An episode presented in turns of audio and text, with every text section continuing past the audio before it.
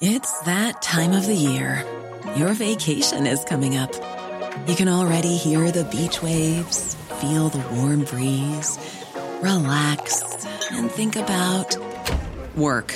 You really, really want it all to work out while you're away. Monday.com gives you and the team that peace of mind. When all work is on one platform and everyone's in sync, things just flow wherever you are. Tap the banner to go to Monday.com. There's never been a faster or easier way to start your weight loss journey than with PlushCare. PlushCare accepts most insurance plans and gives you online access to board-certified physicians who can prescribe FDA-approved weight loss medications like Wigovi and Zepbound for those who qualify. Take charge of your health and speak with a board-certified physician about a weight loss plan that's right for you. Get started today at plushcare.com slash weight loss. That's plushcare.com slash weight loss. plushcare.com slash weight loss. Ni lyssnar på Brottsofferpodden med Joakim Lindén Kastenbäck och Vanessa Del Valle. En person som har begått fysiskt eller psykiskt våld mot sin familj är han eller hon dömd för att alltid förbli förvisad? Eller ska den personen kunna få hjälp att faktiskt bli den partner eller föräldern som familjen önskar och har rätt till? Det är där Manscentrum kommer in. Att hjälpa de som själva vill ha hjälp. Idag träffar vi Magnus från Manscentrum.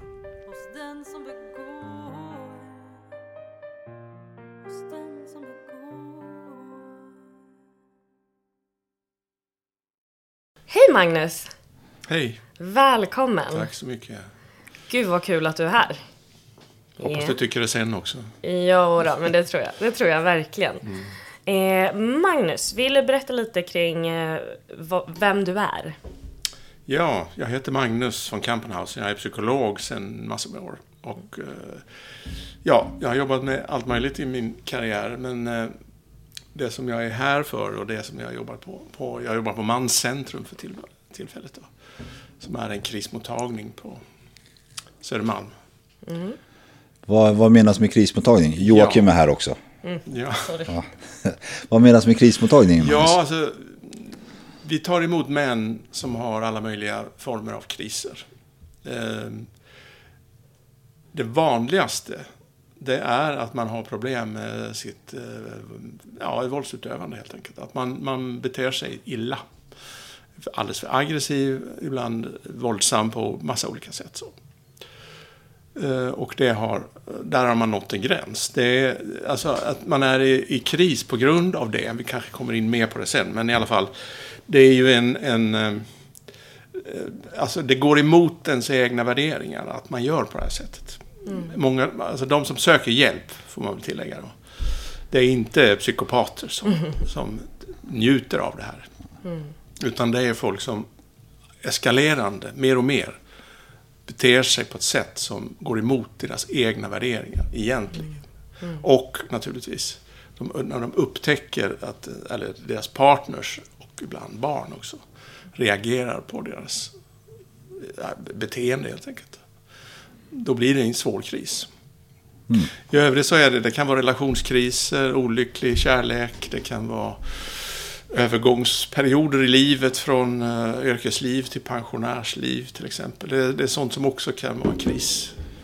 Men kan man bli, nu nämnde du att man sökte hjälp själv, men kan man också bli, heter det ordinerad? Kan, eller vad heter det? Man får, Eh, inte remitterad. Remitterad. Nej, alltså det händer ju att vi får remiss, men då ringer vi till den som har remitterat och sagt att den här klienten är välkommen att höra av sig. Man måste ringa själv. ja. Och hur kommer det sig att det är ett krav att man måste ringa själv? Ja, alltså... För, för att kunna genomgå en behandling, och det spelar ju inte någon större roll vilken... Alltså om det handlar om för psykiska besvär, om man säger så. Eller för beteendeproblem.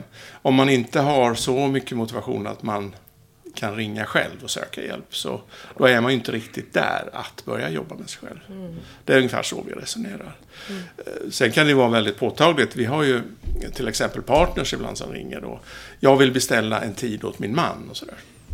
Men vad säger han? Ja, han, jag får väl berätta för honom sen vilken tid det är och att jag ringer. Nej, men det går inte riktigt. Mm. Alltså det kan ju bara bli en ny konflikt av det också som mm. kan spåra ur. Så att det, det, vi tar inte emot sånt. Mm. Men så är det även för mig i tolvstegsprogrammet ja. för alkoholism och narkomani. Ja. Den jag träffar måste inse själv. Så här, är det så att man, nej, så här, även fast kanske dens partner eller fru har skickat dit dem, så här, ja. jag går inte vidare med dem. De behöver inse Nej. själv, precis som du sa, det, det, man måste ha insikten för att ja. kunna få villigheten. Eller det, sen är det inte alla som har hela insikten. Va? Utan en del ringer ju och säger ja, min fru tycker att jag har de här problemen och sådär. Ja, vad, vad, tycker du då? Ehm, ja, det är kanske något, men inte som hon säger. Och sådär. Men eh, ja, jag ringer i alla fall. Och mm. Så att, ibland det tar lite tid att få hela poletten att ramla ner. Så att. Mm. Och sen är det ju faktiskt en del också som ringer som när efter ett par, tre, fyra samtal ibland så upptäcker man, eller man sammanfattar bilden av, alltså du är ju mer våldsutsatt än våldsutövare. Mm. Alltså det, det, är ju vågskålar det här, va? Men, men på den berättelse vi får så en del är ju rätt kraftigt våldsutsatta. Mm. Och har i det också försvarat sig och det har blivit en sån här eh, våldssituation som, som då oftast kvinnan kan mm. hänvisa till. Så. Mm. Det här är inte jättevanligt, men det förekommer. Mm. Okay. Faktiskt. Så att, eh, ja. Men jag tänkte lite på verksamheten Manscentrum. Mm. är, det en, är det en ideell verksamhet? Ja, det kan man säga. Det är ingen offentlig verksamhet. Mm. Det, det, är en stiftelse. Okay. Som startade 1988. Mm. Så det har funnits ganska länge nu. Eh, och det var ett gäng män som det finns lite olika historier om det där varför, men det var män i kris som man ville uppmärksamma. Och då tror jag mer än nu i alla fall, så man sökte inte riktigt hjälp. Eh, psykologisk hjälp är det ju mm. frågan om då. Samtalsterapi och så. Det gjorde inte män i samma utsträckning. Jag har jobbat som psykolog ända sedan 80-talet också så att jag vet. Mm.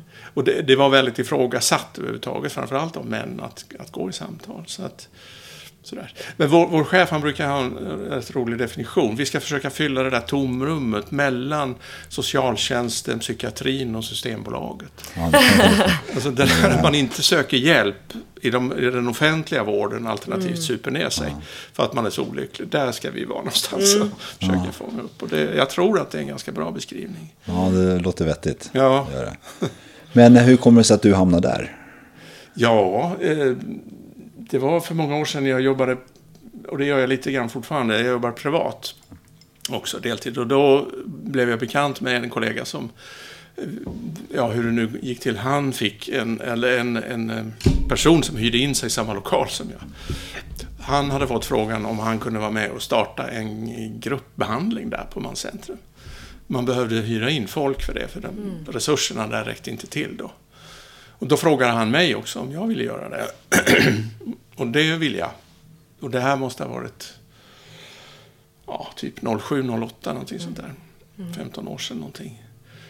Så det var mitt första. Då var jag inhyrd ganska många år, sju år tror jag, som gruppterapeut. Då. Mm. Mm. Så vi jobbade med, med den här gruppen. Ja, och sen blev jag erbjuden en anställning där och jag tog den. Mm. 2015 var det. Ja, du ser, då har du jobbat där ganska länge. Ja, det har jag gjort. Det är beslut du inte ångrar? Absolut. Mm. Det, nej, det är bra jobb, mm. verkligen. Har det ökat eh, om man pratar eh, med folk som hör av sig? Har det, ökar det hela tiden? Ja, det gör det. Det, det stiger för varje år. Det, alltså antalet, ja, det har ökat över år. Nu vet jag inte riktigt från mm. 22 till 21 de senaste. Sådär. Vi har årsberättelserna på hemsidan. Men, men eh, andelen med våldsproblem ökar. Det var inte tänkt som en, en mottagning för de typ, den typen av problem. Det var, det var ingenting man öppnade manscentrum för. Utan det, mm. det började komma efter några år, några män. Och sen har det vuxit. Så nu är det... Det är många som tror att det är en våldsmottagning, men det är det inte. Mm. Vi tar emot men med alla möjliga typer av kriser. Då. Men jag tror det var 60, drygt 60 procent förra året som, som hade just det problemet. Då. Men vad tanken när ni startade var att för att män skulle få sitta och prata? Ja. Det var det. Ja. Sen vad de pratade om var inte så viktigt, men just att man skulle få Nej, prata att av det sig. var någon kris man inte kunde hantera. Det är väl ett sätt att beskriva en kris. Att Yes. man, är, det- man är i en situation som man, man kan inte hantera det. Man, det finns som sagt dåliga sätt att hantera kriser på. Man agerar ut eller super ner sig eller någonting. Ja, exakt. För att dämpa ångesten. Så ni är i tomrummet där i mitten. Ja, just det. Så att det här är ett sätt att försöka hitta ja, bättre lösningar helt enkelt.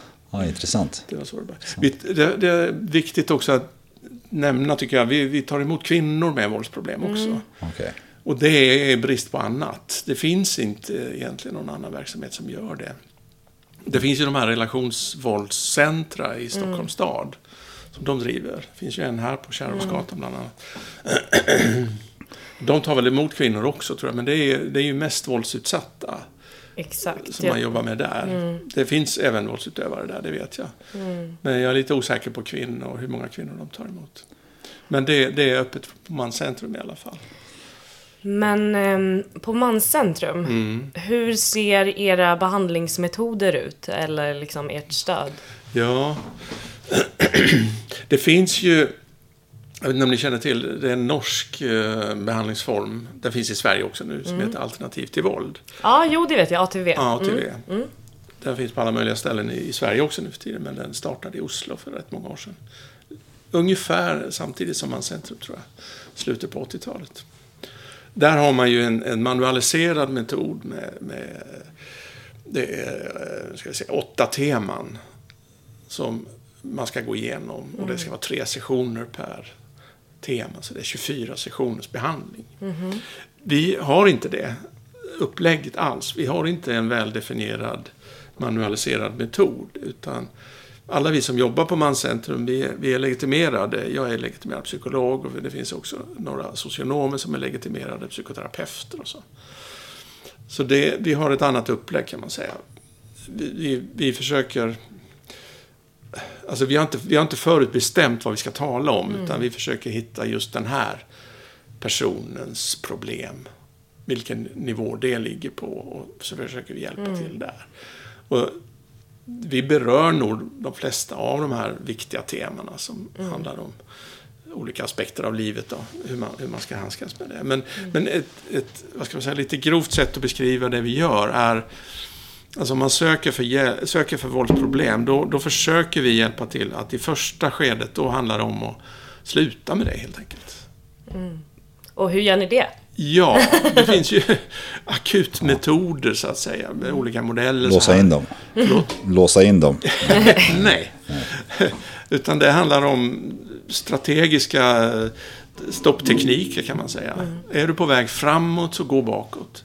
Står du upp och böjer dig över din partner, sätt dig ner och luta dig bak och andas lite. Eh, Du kan behöva ta en time-out. Jag brukar berätta, eller alla känner ju till, om hockeylaget har fått två mål i baken inom en minut. Vad gör coachen då? Jo, time-out liksom. För då har de tappat bort sig. Va? De är borta i huvudet. De, de strategi och taktik och vad heter det, position och alltihopa det där. Det, de åker som yra höns. det, det går ju inte. Va? Då förs- försöker man ju samla upp dem och få igång skallen igen. Och det är lite så vi jobbar kan man säga. Alltså att man ska sluta med det här så fort som möjligt. Vi, har, vi har en modell som vi kallar för E4. Det är att det är som att köra upp på en motorväg och trampa gasen i botten. Va? Och till sist får du tunnelseende och du kommer att... Du ser inte vad som händer omkring dig och du kommer förr eller senare att krascha.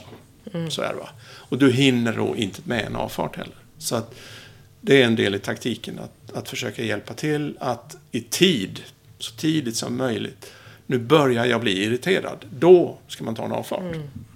Inte vänta. För det här är en sån otroligt vis- viktig diskussion att ta. Så jag kommer att driva det här. Och, men då tappar man bort sig. Och Det här har de här killarna gjort hundra gånger innan. Fanns det inte någon sån grej med gummiband man skulle sätta på armen Ja, så jag varje gång man kände så ja, bara slog man? Ja, jag har inte prövat det, men jag känner till. Jag har hört talas om att det snärtar till. Ja, det ska vara just smärtan där ska Då- påminnas att man Ja, behöver då precis. öppna bort ögonen Ja, kanske. Eller Nå- någonting, ögonen. att man bryter av sig själv. Alltså, för det det, många beskriver ju det här som... det är som en, eh, vad ska man säga, det, det går från 0 till 100 på en sekund. Säger de. Det går väldigt, väldigt fort. Så att man, man måste försöka bryta det här tidigt. Sen när man tittar och bryter ner sådana här situationer i, i sina små delar så, så kan det ha föregåtts av timmar och ibland dagar av en uppladdning och irritation som har vuxit. Men som man inte har fått tag i och, eller försökt göra någonting åt eller ens uppmärksamma att det här är en farlig situation för mig. Så det försöker vi, ja, det är ju en slags psykopedagogisk insats egentligen, att, att, att hjälpa folk att rikta blicken inåt mer. Titta på dig själv, hur mår du egentligen? Eller bara en sån enkel sak som en del är superkänsliga för om blodsockerhalten är för låg. Det kan, det kan leda till väldigt allvarliga, farliga situationer.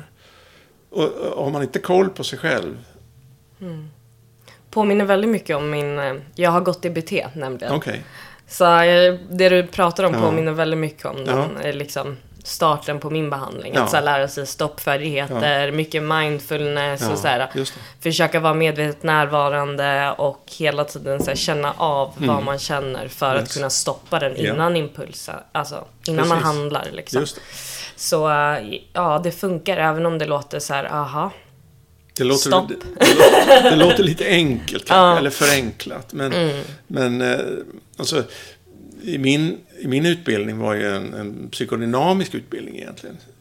När jag pluggade till psykolog. Mm. I väldigt hög utsträckning. Fick lite mer, alltså det var så länge sedan också. Då var det inte, KBT fanns egentligen inte då. Mm. Utan då var det sån här beteendeterapi. Och, och det, på de institutioner där jag pluggade, där, där var det, hårdnade man ju nästan det arbetssättet. Alltså man såg inte det här beteendeförändring som en genuin förändring. Utan det skulle, man skulle liksom in i bakgrunden och barndomen och alltihopa där. Den vägen skulle man förändra. Men, men, men det här problemen, de här problemen går inte det. Utan det här är så pass allvarligt ibland också så att det måste ta slut nu.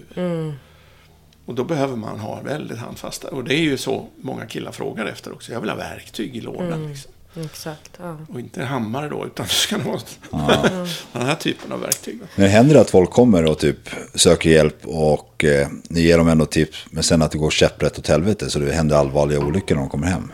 Alltså att de blir att de, ursäkta min franska, men spöar på frugan ordentligt så att Nej, det, det vill jag... Nej, jag känner inte igen det faktiskt. Dä- Däremot är det ju... Alltså det är ju inte så att man på en gång tar till sig allt det här och hittar och, och blir bra på det. Så är det ju inte. Det kan ju hända, absolut. Alkohol är ju en viktig fråga också. Eh, Jag träffade en kille idag. Han, han, han blir aldrig arg när han är nykter. Han kan, och han kan överhuvudtaget inte sätta gränser för sig själv. Då, utan, och de gånger han har druckit, då, ibland då han har druckit alldeles för mycket också, så han har blivit, då har det ja, då kommer... Ja. Och då kommer det i, som en flodvåg. Liksom. Det blir alldeles för mycket. Va? Och där handlar det om väldigt mycket att försöka balansera också. Att hjälpa till och sätta vissa gränser för sig själv. Det är Ja, ett ganska vanligt problem där. Många är alldeles för snälla, uttrycker de det som också. Att man, man ehm, tar inte vara på sig helt enkelt. Håller man på och sväljer hela dagarna och Ja. går emot sina värderingar Ja. och Yes. det är klart det kommer ut. Ja. Och det är ju trist om någon blir skadad för det Att till sist men- så, så känner man sig så uppträngd i ett hörn så smäller det. Och det är ju illa. Så att det är en del i behandlingen också, att lära sig sätta gränser. Och Men hur- hand om sig. Hur gör du när du, alltså påverkar det dig att möta en person som pratar om att den har, ja men, eh, misshandlat sin fru liksom, eller hur är det för dig att liksom behandla personer som har begått allvarliga brott? Alltså, väldigt mycket av det beror på hur de själva förhåller sig till det. Eh, alltså, om det nu, alltså är, man, är man helt obekymrad om det, då kommer de inte ens till oss. Jag, jag, jag kan säga, jag jobbade tidigare, innan, innan jag började på, på Manscentrum som anställd, så jobbade jag inom psykiatrin, vuxenpsykiatrin. Bland annat med rättspsykiatriska patienter. Och där tog det ju längre tid att komma till någon slags... Alltså vi försöker ju hjälpa dem att bygga upp skuldkänslor helt enkelt. De har gjort fel och de ska inte må bra av det. De ska må dåligt av det. Det är liksom en motor i att... Och det, med de här killarna på Manscentrum, där går det ju mycket lätt. De är redan skuldtyngda när de kommer. Så där går det lättare, apropå din fråga då. Alltså någon som eh, har gjort eh, allvarliga, för det var ju våldsbrott allihopa de dömda. Till, till rättspsykiatri. De, de var ju, mindes ju inte ens alla gånger. De var ju psykotiska när de gjorde de här sakerna. Och, och det, det, kunde vara svårt. De visste ju vad de hade, var dömda för och sådär. Och hade hört historien. Men en del visste ju inte själva vad de hade gjort. Eller sådär. Minns inte. Det var inte någon tydlig bild av det. Då blev det svårare att jobba med det också. Mm. Men, men där var, det var ju lättare på ett sätt. För där var ju alla inlåsta på samma ställe. Mm. Under flera år. Så att, det, det, gick ju. Men att jobba men, på det stället, det måste känns... Fick man lite tappa man hoppet om världen på något sätt? Eller är man så bara proffsig som man kan släppa? Ja, alltså det var, det var ju värre på det sättet, apropå din fråga där, mm. hur det känns att träffa sådana personer. Det, det var ju svårare att, att, stå ut där kan man säga. Mm. Men, men eh, Nej, alltså det beror ju på hur man, vad man gör med det, med ja. vad man har för resurser. På det mm. stället jag jobbade, så, så, då kunde vi jobba aktivt med de här sakerna. Ja, med brottsbearbetning ja. helt enkelt. Och det var mödosamt och svårt. Men jag hade grupper där också. Mm. Med de här jättesjuka människorna egentligen. Men det gick alltså. Det gick. Men hur gör man då? För att liksom eh, skicka på skuldkänslor? På en person som inte verkar känna skuld? Ja, eh, jag menar, ett, en, ett sätt är ju det här som vi försöker ju föra in eh, att, någon slags, vad heter det, mentaliseringsförmåga. Va? Det, är, mm. det är ju ganska klen, klent drag hos de här. Mm. En del av dem i alla mm. fall. Mm. De förstår inte riktigt vad det är, vad det är som har hänt. Va? Och alltså, eller rättare sagt konsekvenserna av det de har gjort. De, en del förstår, har svårt med det. Ska, vet du vad mentaliseringsförmåga är? Ja, de ska, de ska få känna det själva. Nej. Ja, alltså, Nej, men att man, ska för, man ska kunna sätta sig i en annans Aha, position. Ja, förstå mm. hur, hur partner och, och barn kan uppfa, uppleva en. Mm. Du märker nu vad Vanessa har för tankar om mig. Så Nej, men jag tänkte, jag tänkte inte för dig, jag tänkte för lyssnarna faktiskt. Bara innan du ja, fortsatte. Ja, så att de, okay. så att de ja, förstår. För vissa begrepp kan vara svåra. men jag visste tydligen inte heller, så det var Nej, men sluta. Det blir bara ett exempel. ja. Jo, men det, det, sånt försöker vi jobba med. Mm. Hur kan det kännas? Mm. Jag hade en jättestor kille. Han, han var 1,95 lång och 150 kilo tror jag. Kraftig. Och han förstod inte riktigt hur, hur när han slog sin enorma näve i, i diskbänken så det skallrade i hela köket. Och han skrek. Och han hade kraftfull röst också. Att, att, att, jag sa att jag kan berätta hur det känns att se dig bara. Mm. ja. Faktiskt. Mm. Och du kan, alltså jag kan ju fantisera om om du skulle slå din näve i det här bordet. Hur det skulle vara. Mm. Och han hade, han, han hade inte tänkt på det överhuvudtaget. Mm. För han kände alltså man, många utgår ifrån, jag vill, ju bara, jag vill ju bara göra mig hörd. Jag vill ju att folk ska lyssna på mig.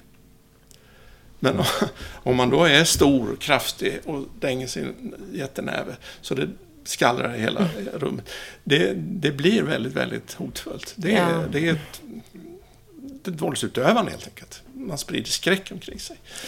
Ja, och det, har man inte tänkt på det så då blir det, alltså jag försökte jämföra, tänk om du möter någon som är 2,30 lång och som väger mm. 200 kilo. Och som står och tittar ner på dig och skriker.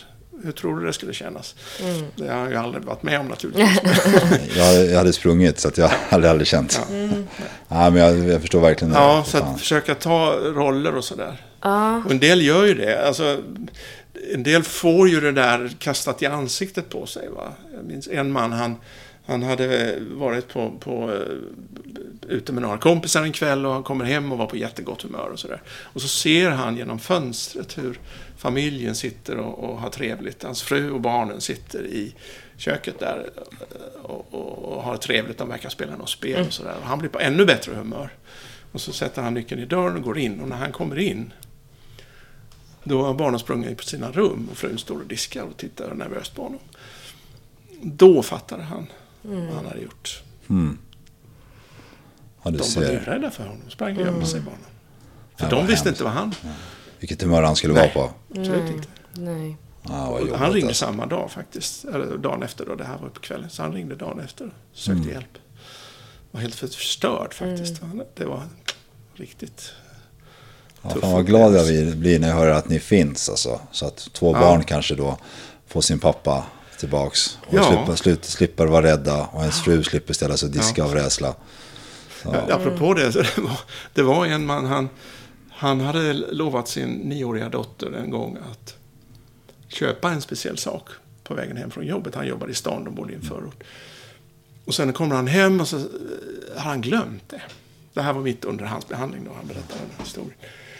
Han hade glömt bort det där. Och hon skäller ut honom efter noten alltså. Och han blir överlycklig. Men det kan han, inte, han kan inte visa det för henne. Så han fick stå med handen för munnen och, mm. och hålla i sig. Så att, han, men han var så glad att hon vågade. Mm. Hon har aldrig skällt på honom. Aldrig varit arg på honom. Och då förstod han att hon hade aldrig vågat det. Men nu vågade hon. Mm. Ah, vad fint. Och han förtjänade en utskällning. Mm. Förstod han också. Mm. Så det var, ja. Är det sådana där små, jag ska inte säga att det är bara små frön, men är det sådana där grejer som verkligen känns att, att jobbet är så viktigt? Ja, verkligen. Ja. Det är det. De, ja, alltså det ingår ju också det här att man ska städa upp efteråt. Va? Man ska, alltså har man betett sig illa så, så man ska be om ursäkt för det. Mm. Faktiskt, på riktigt då.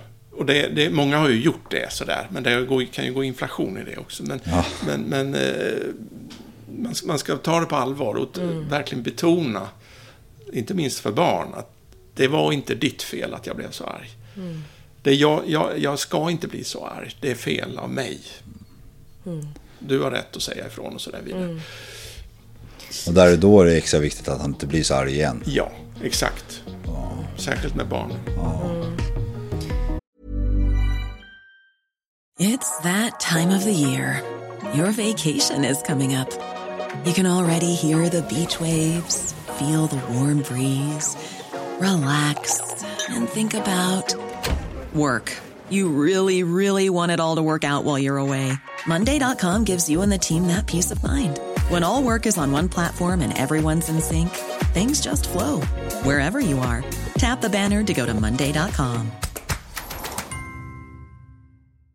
There's never been a faster or easier way to start your weight loss journey than with PlushCare.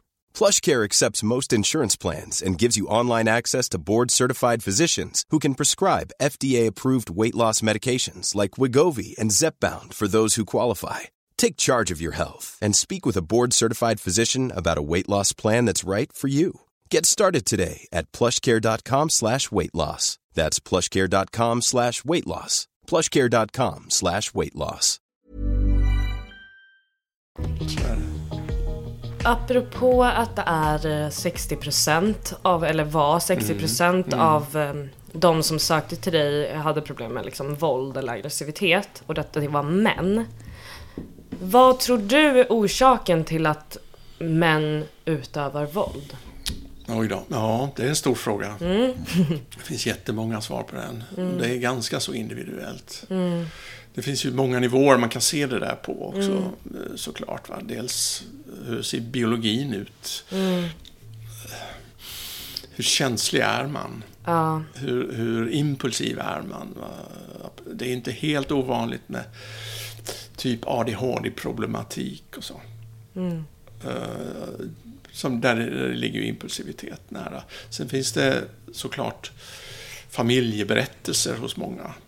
Mm. Uh, apropå vårt arbetssätt då, att vi börjar med beteendet och ibland behöver man ju också bearbeta ganska så traumatiska upplevelser från den egna uppväxten och tidigare livet.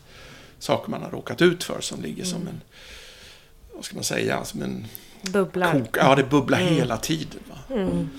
Det är bara ibland som det exploderar, mm. men det bubblar hela tiden. Och det, det, är som en ständig stress, eller vad man ska mm. säga. Ständig ilska faktiskt ibland, för en del som har varit utsatta för eh, väldigt mm. ja, svåra saker, övergrepp och så. Jag har ju min hypotes om att eh, våld i allmänhet, det är ju trauma eh, som ja. oftast så. Ja. Eh, men, men jag ville se vad du sa ja. kring de som kommer till er. Det är ju inte alla som har det. Mm. Eh, men eh, ganska många, och det kan vi behöva jobba med också. Så att traumafokuserat ibland till mm.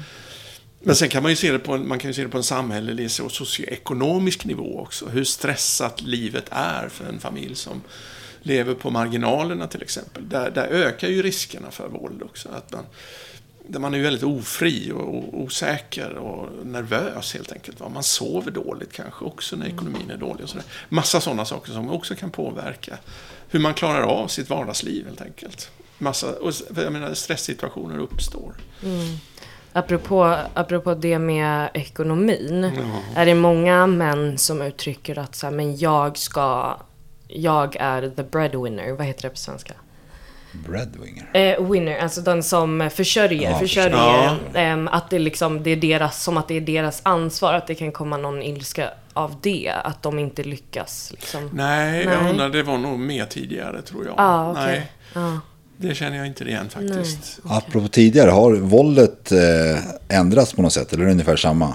Det är ungefär samma, skulle jag säga. Yes. I alla fall de 15 år jag har sett. Mm.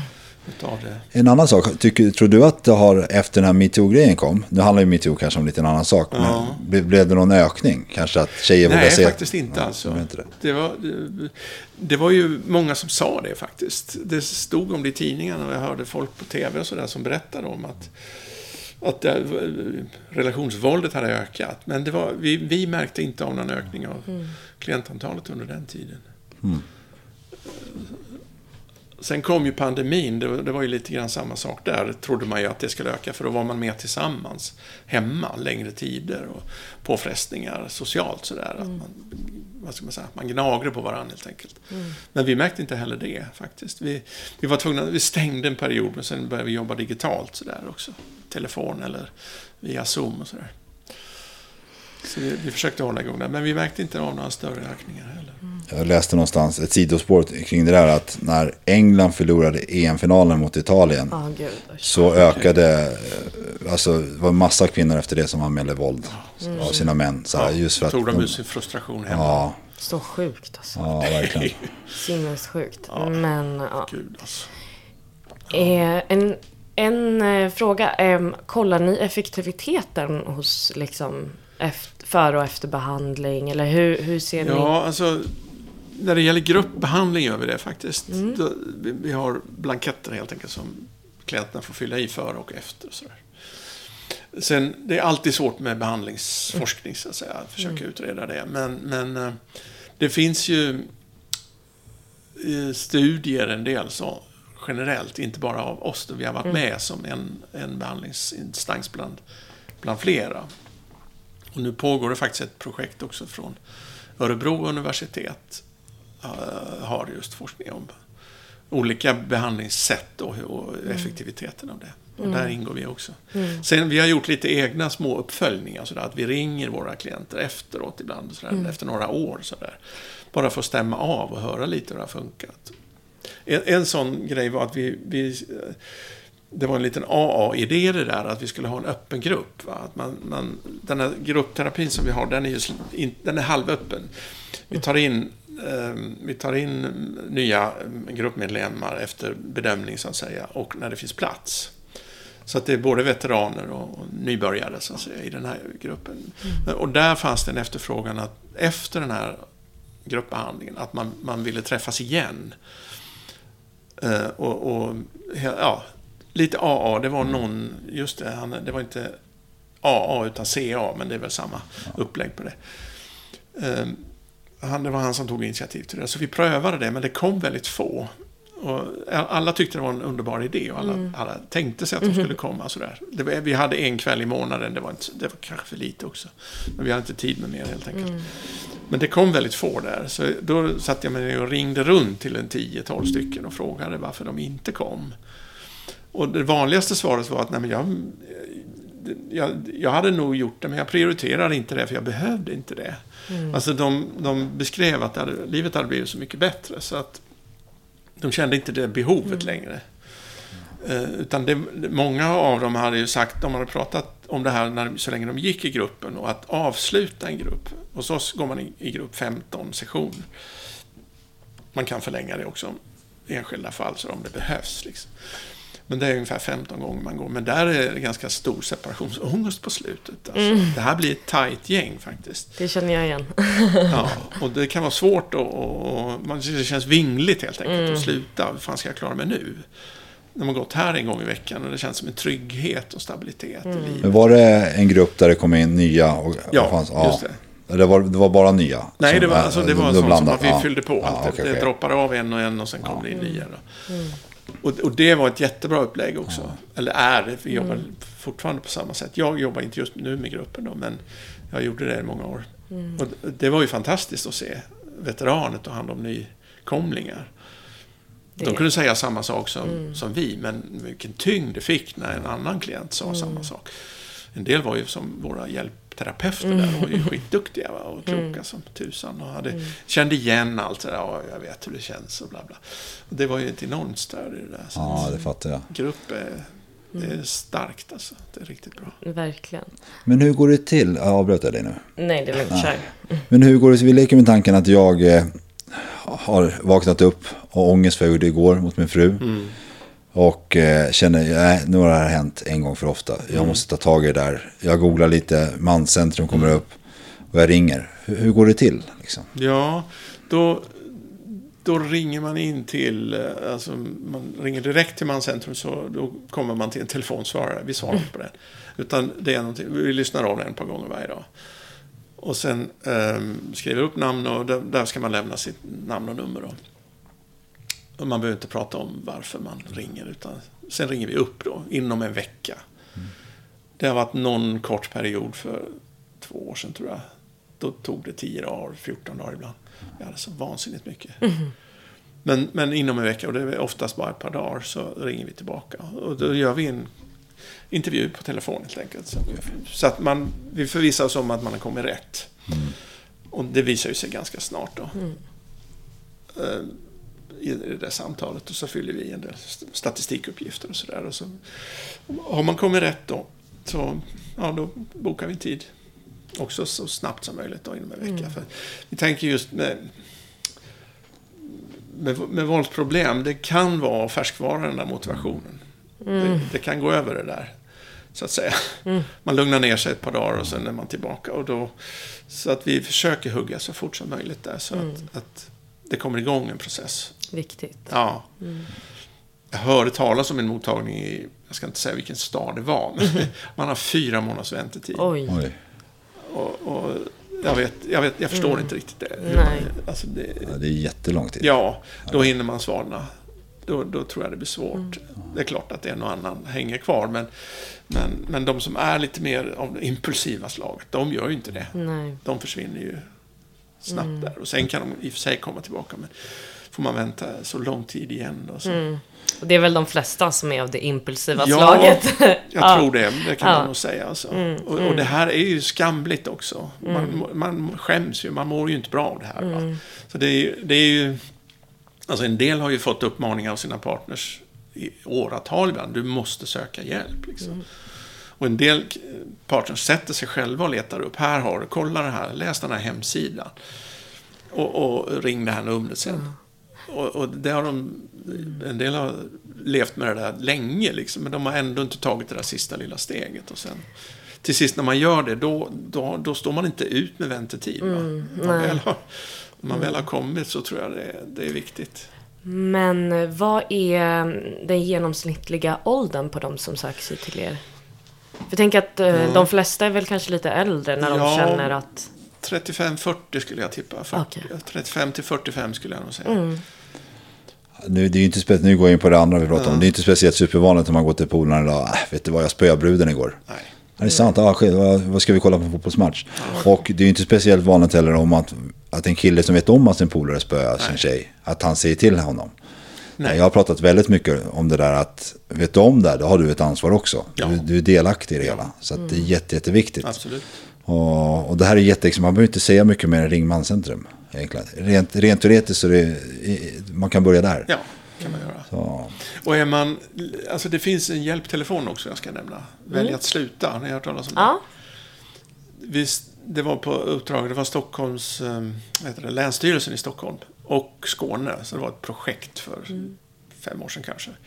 Nu är det en permanent verksamhet som Socialstyrelsen är huvudman för den, men vi är operativt ansvariga för den. Jag jobbar inte själv med den, men den finns inom ramen för Manscentrum också. nice.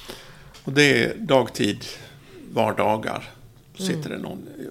Och, där behöver man inte uppge sitt namn eller någonting sånt där. Kan man ringa anonymt och, och prata med någon. Och, och det är hela landet nu då. Från början var det Stockholm och Skåne, men nu är det för hela Sverige. Och, och de, de som jobbar med den telefonen, de har ju koll på vilka mottagningar som finns runt om i landet. Då. Men är de andra som kommer till er, de journalförs eller? Är de oroliga för att... alltså de som blir ärende, de, ja. de journalför vi. Ja, det är vi. Och det är den plikt vi har som legitimerade ja, just det. behandlare. Då, då journalför. Men är det många klienter, säger man klienter eller vad säger ja, man? Klienter, ja, klienter. Är det många klienter som frågasätter det eller som nej, kanske väljer nej. att nej, de gör inte det? De räknar med det. Mm. Ja. Vi berättar om det och sekretessfrågor och sånt där. Mm. Plus att det som kan få oss att bryta sekretessen det är om vi blir oroliga för minderåriga barn. Då gör vi orosanmälningar också. Men det är den enda gången vi bryter sekretess. Mm. Jag tänker väl också, är man lite orolig för journalföring, då är man ja. kanske inte riktigt villig heller. Nej, jag tror inte det heller. Mm. Men vi berättar om det och det är ju internt. Va? Vi är ju inte knutna till, till kommun eller Exakt, region ja. eller någonting mm. sånt där. Utan det är ju internt. Så det är ju samma sekretess som alla journaler. Det är, det är för internt bruk så att säga. Ja, jag förstår.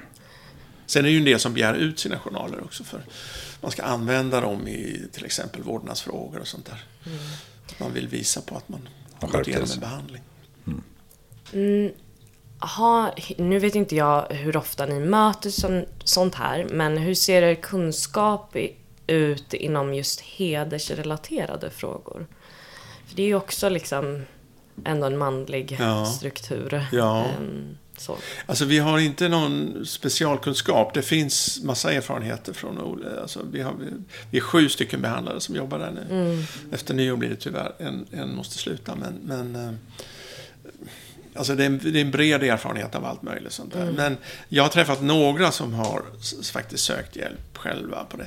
Och det, för, för mig har det inte, det har inte varit någon skillnad på just att en del hänvisar ju till sin, sin kultur och att mm. man kommer från en bakgrund där det här är ett normalt beteende och sånt. Mm. Det var en kille från Mellanöstern, minns jag. Han, han, han var hänvisad av polisen just. Hans fru hade polisanmält honom. Och då, då blev han hänvisad och han ringde. Mm. Och, och, det, var, det var lite bökigt att komma förbi det där med, för det duger inte. Jag menar, han, jag, jag kan förstå att han, han är uppfostrad med, det här är vardagsliv. Liksom. Mm. Men det hjälper inte. Det, det är inget att, det är inget skäl så att säga. Mm. Jag förstår att det kanske är svårare för honom i den meningen än för mm. många andra. Men han tyckte ju inte heller egentligen att han skulle bete sig på det där nej. sättet. Men, det var men, inte normalt. Nej. Men är det mer svårbehandlat eller är det samma liksom? Behandlar man det på liksom samma sätt? Ja, alltså om, om den som ringer, den som tar kontakt, lider av det. Mm att, vad det man har gjort och att man beter sig på det här sättet. Om man mm. lider av det, då, då, då tycker jag det är, det är i princip samma sak. Ja, men ja. vi fortsätter. Du pratade om någon partner, någon partnerstöd. Ja, just Eller? det. Mm. Vi, vi erbjuder det till, till då om en man söker hjälp för våldsamt beteende, då eh, frågar vi också efter hans partners eh, mobilnummer och så skickar vi en inbjudan, eller ett erbjudande kan man säga, mm. till henne. Vi har, ett tag så ringde vi, men det var inte alla som gillade det. Det kändes mm. lite påträngande och sådär. Så vi, vi, ja, vi gjorde en mall i alla fall och skickade ett sms nu istället. Men vi erbjuder det här, man får två samtal gratis. Eh, och det är mer, de där två samtalen, det är lite mer informativt om hur jobbar vi och, mm. och alltså det som jag tycker är viktigast med de där, det är att vi pratar ansvarsfrågor. Mm. Den som utövar våldet har 100% ansvar för sitt eget beteende. Mm. Det går aldrig att skylla ifrån sig på det. Mm. Alltså det är vår liksom, grundförutsättning. Och det känns viktigt att säga till de här partnerna. För det, det, är mm. inte alla män som får den, det intrycket alla gånger. Vi försöker vara empatiska och förstå. Mm. Och det kan misstolkas som att det är okej okay det de gör. Mm. Vilket det inte är. Då. Mm. Så att det... Är det en svår balansgång? Att... Nej, jag tycker inte det är så nej. svårt längre. Nej. Faktiskt. Mm. Men det, det, är så vi gör. Sen om, eh, om den partnern då inte vill ha, men inte har något annat stöd. Mm. Då erbjuder vi det. Då kan vi förlänga den kontakten också. Men då blir man ett ah. eget ärende så att säga. Mm.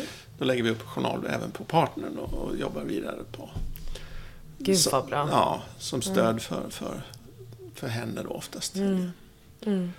Så det, det känns meningsfullt och bra tycker jag. Ja, verkligen. Nu är det inte alla som nappar på det erbjudandet, Nej, men en del gör såklart. det. Så att, eh, tar vi. Men då, om jag träffar mannen, då är det någon av mina kollegor som får träffa henne. Mm. Och ibland har det också utvecklat sig till eh, parsamtal. Mm. Men då ska det ha lagt sig ordentligt. Liksom, att vi, det handlar om mer vanligt. Hur samspelar ni? Hur kommunicerar ni? Hur pratar ni med varandra? Mm. Hur ska ni förhålla er som föräldrar tillsammans? Och så där vidare. Ja, den typen. Alltså vanliga parsamtal kan man säga. Har ni någon gräns för antalet samtal med de som utövar våld? Ja, eh, inte någon formell gräns, det har vi inte. Va? Eh, vi brukar säga att en 10-15 samtal är vanligtvis inga problem. Och ibland kan det bli fler än så också. Eh, men vi, eftersom vi är en krismottagning då och att vi försöker hålla så att vi kan ta emot snabbt, va? då måste vi avsluta. Vi måste ha utrymme, marginaler inom systemet. Liksom. Annars blir det svårt. Har ni någon som ni kan hänvisa till? Eller hänvisar ni liksom till så här, men sök samtalsstöd? Ja, eller det, så? vi har inte n- några specifika så, utan vi kan rekommendera. En del, en del vill ju gå lång, längre terapi och sådär. Och det kan vi inte erbjuda. Ehm, Men då kan man ju hänvisa till, ja, dels, jag känner ju flera stycken, som, bland annat en kollega som jag jobbade ihop med en gång i gruppen. Eh, Han, gör inte, han är inte kvar där längre, men eh, honom har jag hänvisat till flera gånger till exempel. Så. S- s- Och ja, det finns ju... Det, leta på nätet så hittar man alltid någon. Ja. Sen vet det är alltid vanskligt att rekommendera för att det måste klicka personligt också. Det måste kännas rätt liksom. Jag måste också fråga, för att nu, den 60 procent är ju våld. Ja. Typ det. Men vad är resten, för, vad är de resterande 40 procenten? då? Ja, det kan vara allt möjligt alltså. Som, ofta är det ju någon typ av relationsproblem. Eh, Det kan också vara våldsutsatthet faktiskt. Inte helt ovanligt att man lever i en destruktiv relation med någon partner som är väldigt hårdhänt med en. Ehm, Så kan det vara. Nej, alla möjliga typer av kriser. Eh, Otrohet, svartsjuka. Alltså som har gått överstyr så att det har blivit. Där ligger ju, inte minst svartsjuka, där, där ligger ju våldet på lur lite grann Ja. också. Eh, Det är risk i alla fall. Det var inte så länge sedan jag träffade en kille som hade varit otrogen. Det gick emot hela hans värderingssystem. Det han hade gjort. Och han fattade inte riktigt. Det var inte ens på fyllan. Men vi är inte så logiska vi människor. Nej. Våra värderingar styr oss inte 100 procent. Eh, Och det är en, en bister insikt för många. Man tror att man är mer, vad ska man säga, sammanhållen och logisk och konsekvent. Kontrollerad. Ja, men det är vi inte riktigt. Alltså. Nej. På gott och ont. Ja, Ja. det finns ju en kreativitet i det också. Man tar den positiva sidan av det. Ja, och Faktiskt. kärlek. Ja, naturligtvis. Den är inte heller logisk. Nej, den är absolut gånger. inte logisk. Nej, det är den inte. Nej. Därför håller oss ifrån den. Jag. Jag Nej. skojar bara. Men ehm, jag tänker, vi ska avrunda snart. Mm. Men sist, jag vill veta lite kring kvinnorna som söker sig Ja. till Manscentrum. Ja. Vilka är de? Alltså det är egentligen inte någon större skillnad på, på eh, de kvinnorna och de männen som söker. Alltså man definierar faktiskt sina problem på ganska liknande sätt. Kvinnor genomsnittligt tycker jag är mer lite bättre formulerade, lite mer genomtänkta och lite, lite fler begrepp om sitt eget känsloliv än vad män har genomsnittligt. Sådär. De har fått träna ett tag. Man får träna ett tag. Ja. På den här hjälptelefonen jag nämnde, eh, Välj att sluta, där var det, sist jag hörde så var det 20-25% av alla som ringer dit är kvinnor. Men ringer de för sin killes skull Nej, eller för sin egen För sin skull? egen skull. Och, Och och, de hänvisas bland annat till oss och till andra mottagningar också. Men det, beror på, det är ju som sagt hela landet. skiljer sig våldet? Alltså eh, våldsuttrycken? Ja, mellan- det, det är ju inte lika, oftast, genomsnittligt är det inte lika allvarligt fysiskt i alla fall. Eh, Och det handlar väl om storlek och tradition. De flesta tjejer har inte slagits lika mycket som killar har gjort. Sen har jag läst om, jag har inte upplevt det själv, men det finns de som har forskat lite mer på det där som säger att det är vanligare att kvinnor använder tillhyggen än att män gör det. Och det är ju farligt såklart. Det kan ju gå illa det. Sen finns det en forskare i Holland som heter Justine van Lavik. Hon har gjort undersökningar, hon har i alla fall berättat om undersökningar, jag kommer inte ihåg om hon har gjort dem själv, men hon redovisar det. Och hon hävdade att det är lika vanligt med att kvinnor utövar våld mot män som att män gör det mot kvinnor. Sen att det kanske genomsnittligt inte är lika allvarligt då. Men att det är lika vanligt hemma. Ja. Och det är när man har frågat människor om de har varit våldsutsatta. Det var en stor undersökning i sex olika länder tror jag det var, Okej. i Europa.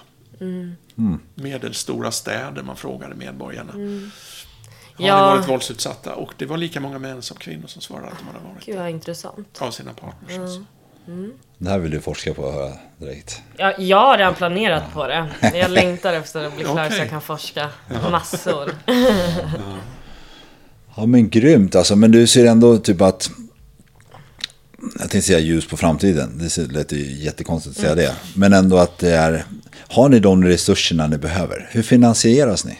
Ja, det är en bra fråga. Men det är, nu är det är Stockholms stad och Socialstyrelsen som står för de absolut största pengarna. Jag tror det är Stockholms stad är största bidragsgivare. och Sådär. Söker ni då för treårsperiod, sen söker ni nytt eller är det så att ni Ja, har det är en? vår chef som håller i det där. Han, Nu är det två år. Jag vet i början när jag var där, då vi visste ju bara ett år i taget att vi fanns överhuvudtaget. Nu är han trygg med, från 88 Ja. till idag, att vi, det, kommer rulla på? ja, det kommer att rulla på. Så det är Socialstyrelsen och Stockholms stad. Och sen tar vi också avgift av de som kommer. Hur, hur stor är den? Det är 350 kronor kostar det. För ett samtal. Och grupp tror jag är 250. Och det, det är, för det, var, det är vanligtvis inga större problem. Det Nej. finns ju en och annan som har svårt med det. Men de, de har också ofta kontakt med socialtjänsten. Och de, de fall jag har varit inblandad i där, de betalar gärna för det.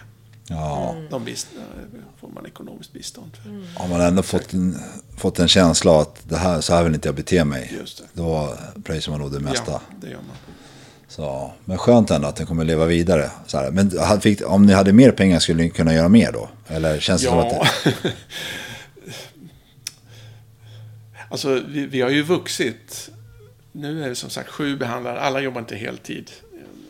Så att jag kommer inte ihåg exakt hur många tjänster det är som är igång där. Men, men det har ju vuxit jättemycket på senare år. Och det är mer och mer pengar. Och sådär. Och, ja, jag vet faktiskt inte. Vi, vi pratar om Dessutom, det kan jag nämna, vi har eh, vi erbjuder också utbildningar för, inte minst inom socialtjänsten. För nu är det ju en del av, eh, alltså socialtjänsten är numera skyldiga. Det är inte bara ett bör, utan man skall erbjuda hjälp för, till våldsutövare. Och det har man inte utbildning för riktigt. Så att vi erbjuder kurser, helt enkelt. Mm. Jag hade faktiskt skrivit jobba. ner det för att jag ville fråga om Ja. det, men nu har det Ja, gått så lång tid. så att, ja, nästa vecka ska vi åka till Kronobergs län och hålla en kurs. Gud vad roligt. Ja. Det måste vara kul. Ja, det är tröttsamt också. Är det sant? Nej, men ja, det är sant. Men det, det, det är när man väl är där och håller igång och det blir liksom bra dynamik i en grupp och sådär, då är det ju fantastiskt. Ja. Det är det. för det bästa vore ju om man kom så pass långt att om jag nu slog min fru, säger vi, att jag faktiskt vågar säga det till min polare. Ja. Här, Men det går är så- inte helt ovanligt faktiskt. Alltså, de- som har gått igenom behandling hos oss, de är väldigt, det är, vi kallar dem ibland för ambassadörer. Alltså. De snackar med sina polare, om de vet om det. Alltså de som har, i synnerhet de som har gått i grupp skulle jag säga. För där är man, då har man vant sig vid att prata med andra killar om de här problemen och stå för dem och ta fullt ansvar hela vägen. Ja, de som och kom- konfrontera varandra faktiskt. De som har kommit till er eller? Ja, de som har gått i grupp hos oss, de blir väldigt Ja, bra grymt. ambassadörer i sina mm. vänkretsar. Många av dem. Faktiskt. Ja, Det är så jätte- viktigt. Ja, det är det alltså, verkligen. verkligen. Jag tycker det där är någonting vi behöver jobba på. För det blir ännu större. Först skammen för sig själv att man har gjort det, sen skammen att eh, man vågar inte prata om det. Så här. Nej, och det, för dem har det ju också blivit lätt att prata om det på ett sätt med, med kompisar då, som de vet eller som de ser beter sig illa. För de har också någonting, men gå till manscentrum då. Mm, exakt. Alltså det, att bara konfrontera någon utan att ha någon idé om vad man ska göra åt det. Det, blir, det är mycket svårare va. De har en väg. Men det här är en bra väg att gå. Gör det. och, grymt. och det är en vanlig hänvisning faktiskt. Det är ibland kompisar, släktingar. som har sett att men, det här är inte okej. Okay, alltså. Nej. Ja, jag tror 75% av alla som hör av sig till våran podd, Ja. det är ju våld i nära relation. Det Det är är, så en tjej som Ja. får, eh, ja, blir psykiskt, psykiskt eller fysiskt misshandlad av sin kille. Så det är ju verkligen jätte, jättevanligt. Sådär. Det är det. Så att, eh, ja, så ni gör ett jätteviktigt jobb. Ja, det känns viktigt och det är, jag skulle säga att det är ett tacksamt jobb också. Det är, det är, jag tänker på alla, alla ställen jag har jobbat på sådär, som psykolog och behandlare. Alltså, att möta människor i kris är, det är på ett sätt ett tacksamt jobb. Liksom. Det, man vill inte vara i det. Va? Det, finns en, det finns ett driv där som jag tycker känns... Ja, det, det är, Det finns förhoppningsvis en, en väg och det är uppåt och man får vara med på resan. Ja. Och ibland behöver man till och med förstärka krisen och betona det här är allvar alltså. Ja, men jag bara knuffade lite. Ja, men tänk om hon hade ramlat in i elementet och slagit huvudet i. Kunde ha dött där. Ja, exakt. Alltså, då förstår du. Då, alltså, oh, Jesus. Alltså, man, man kan behöva skapa en kris eller bygga upp en kris. Det här är, det här är riktigt allvarligt. Alltså. Det är inte att leka med det här. Även om du inte avsåg att skada. Du bara, bara föste undan henne. Tänk om hon hade ramlat. Ja. Ja, jag tycker vi kanske ska avrunda där då. Eller stanna Ja, jag tycker det var väldigt bra avslut faktiskt. Ja, verkligen, Ehm, verkligen. Att trycka på att så här, det är faktiskt...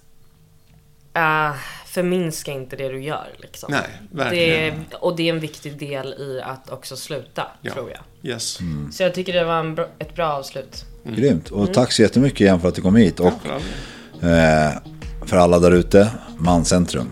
Hitt- Man hittar er på internet. Ja. Och där finns journummer och sånt där också. Ja. Grymt. Tack så jättemycket. Tack. Tack Vanessa. Tack så jättemycket.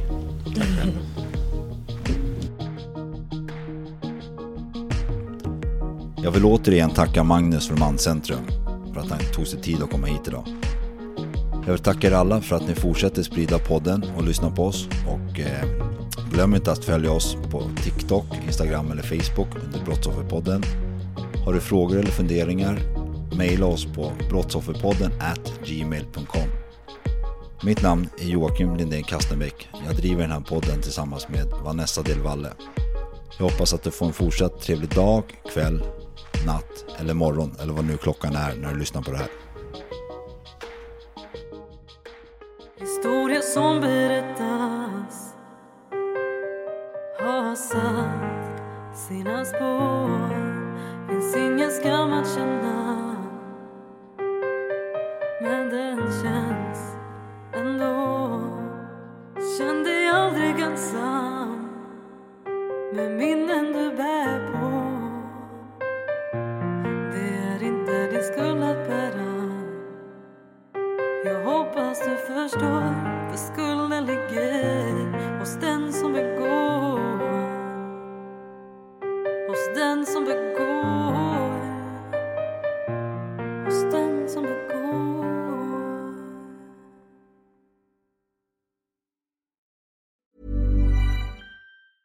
Planning for your next trip?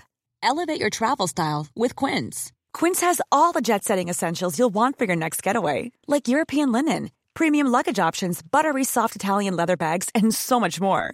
And is all priced at 50 to 80% less than similar brands. Plus, Quince only works with factories that use safe and ethical manufacturing practices. Pack your bags with high-quality essentials you'll be wearing for vacations to come with Quince. Go to quince.com slash pack for free shipping and 365-day returns. Imagine the softest sheets you've ever felt. Now imagine them getting even softer over time. That's what you'll feel with Bowl and Branch's organic cotton sheets. In a recent customer survey, 96% replied that Bowl and Branch sheets get softer with every wash. Start getting your best night's sleep in these sheets that get softer and softer for years to come. Try their sheets with a 30-night guarantee. Plus, get 15% off your first order at bowlandbranch.com. Code BUTTERY. Exclusions apply. See site for details.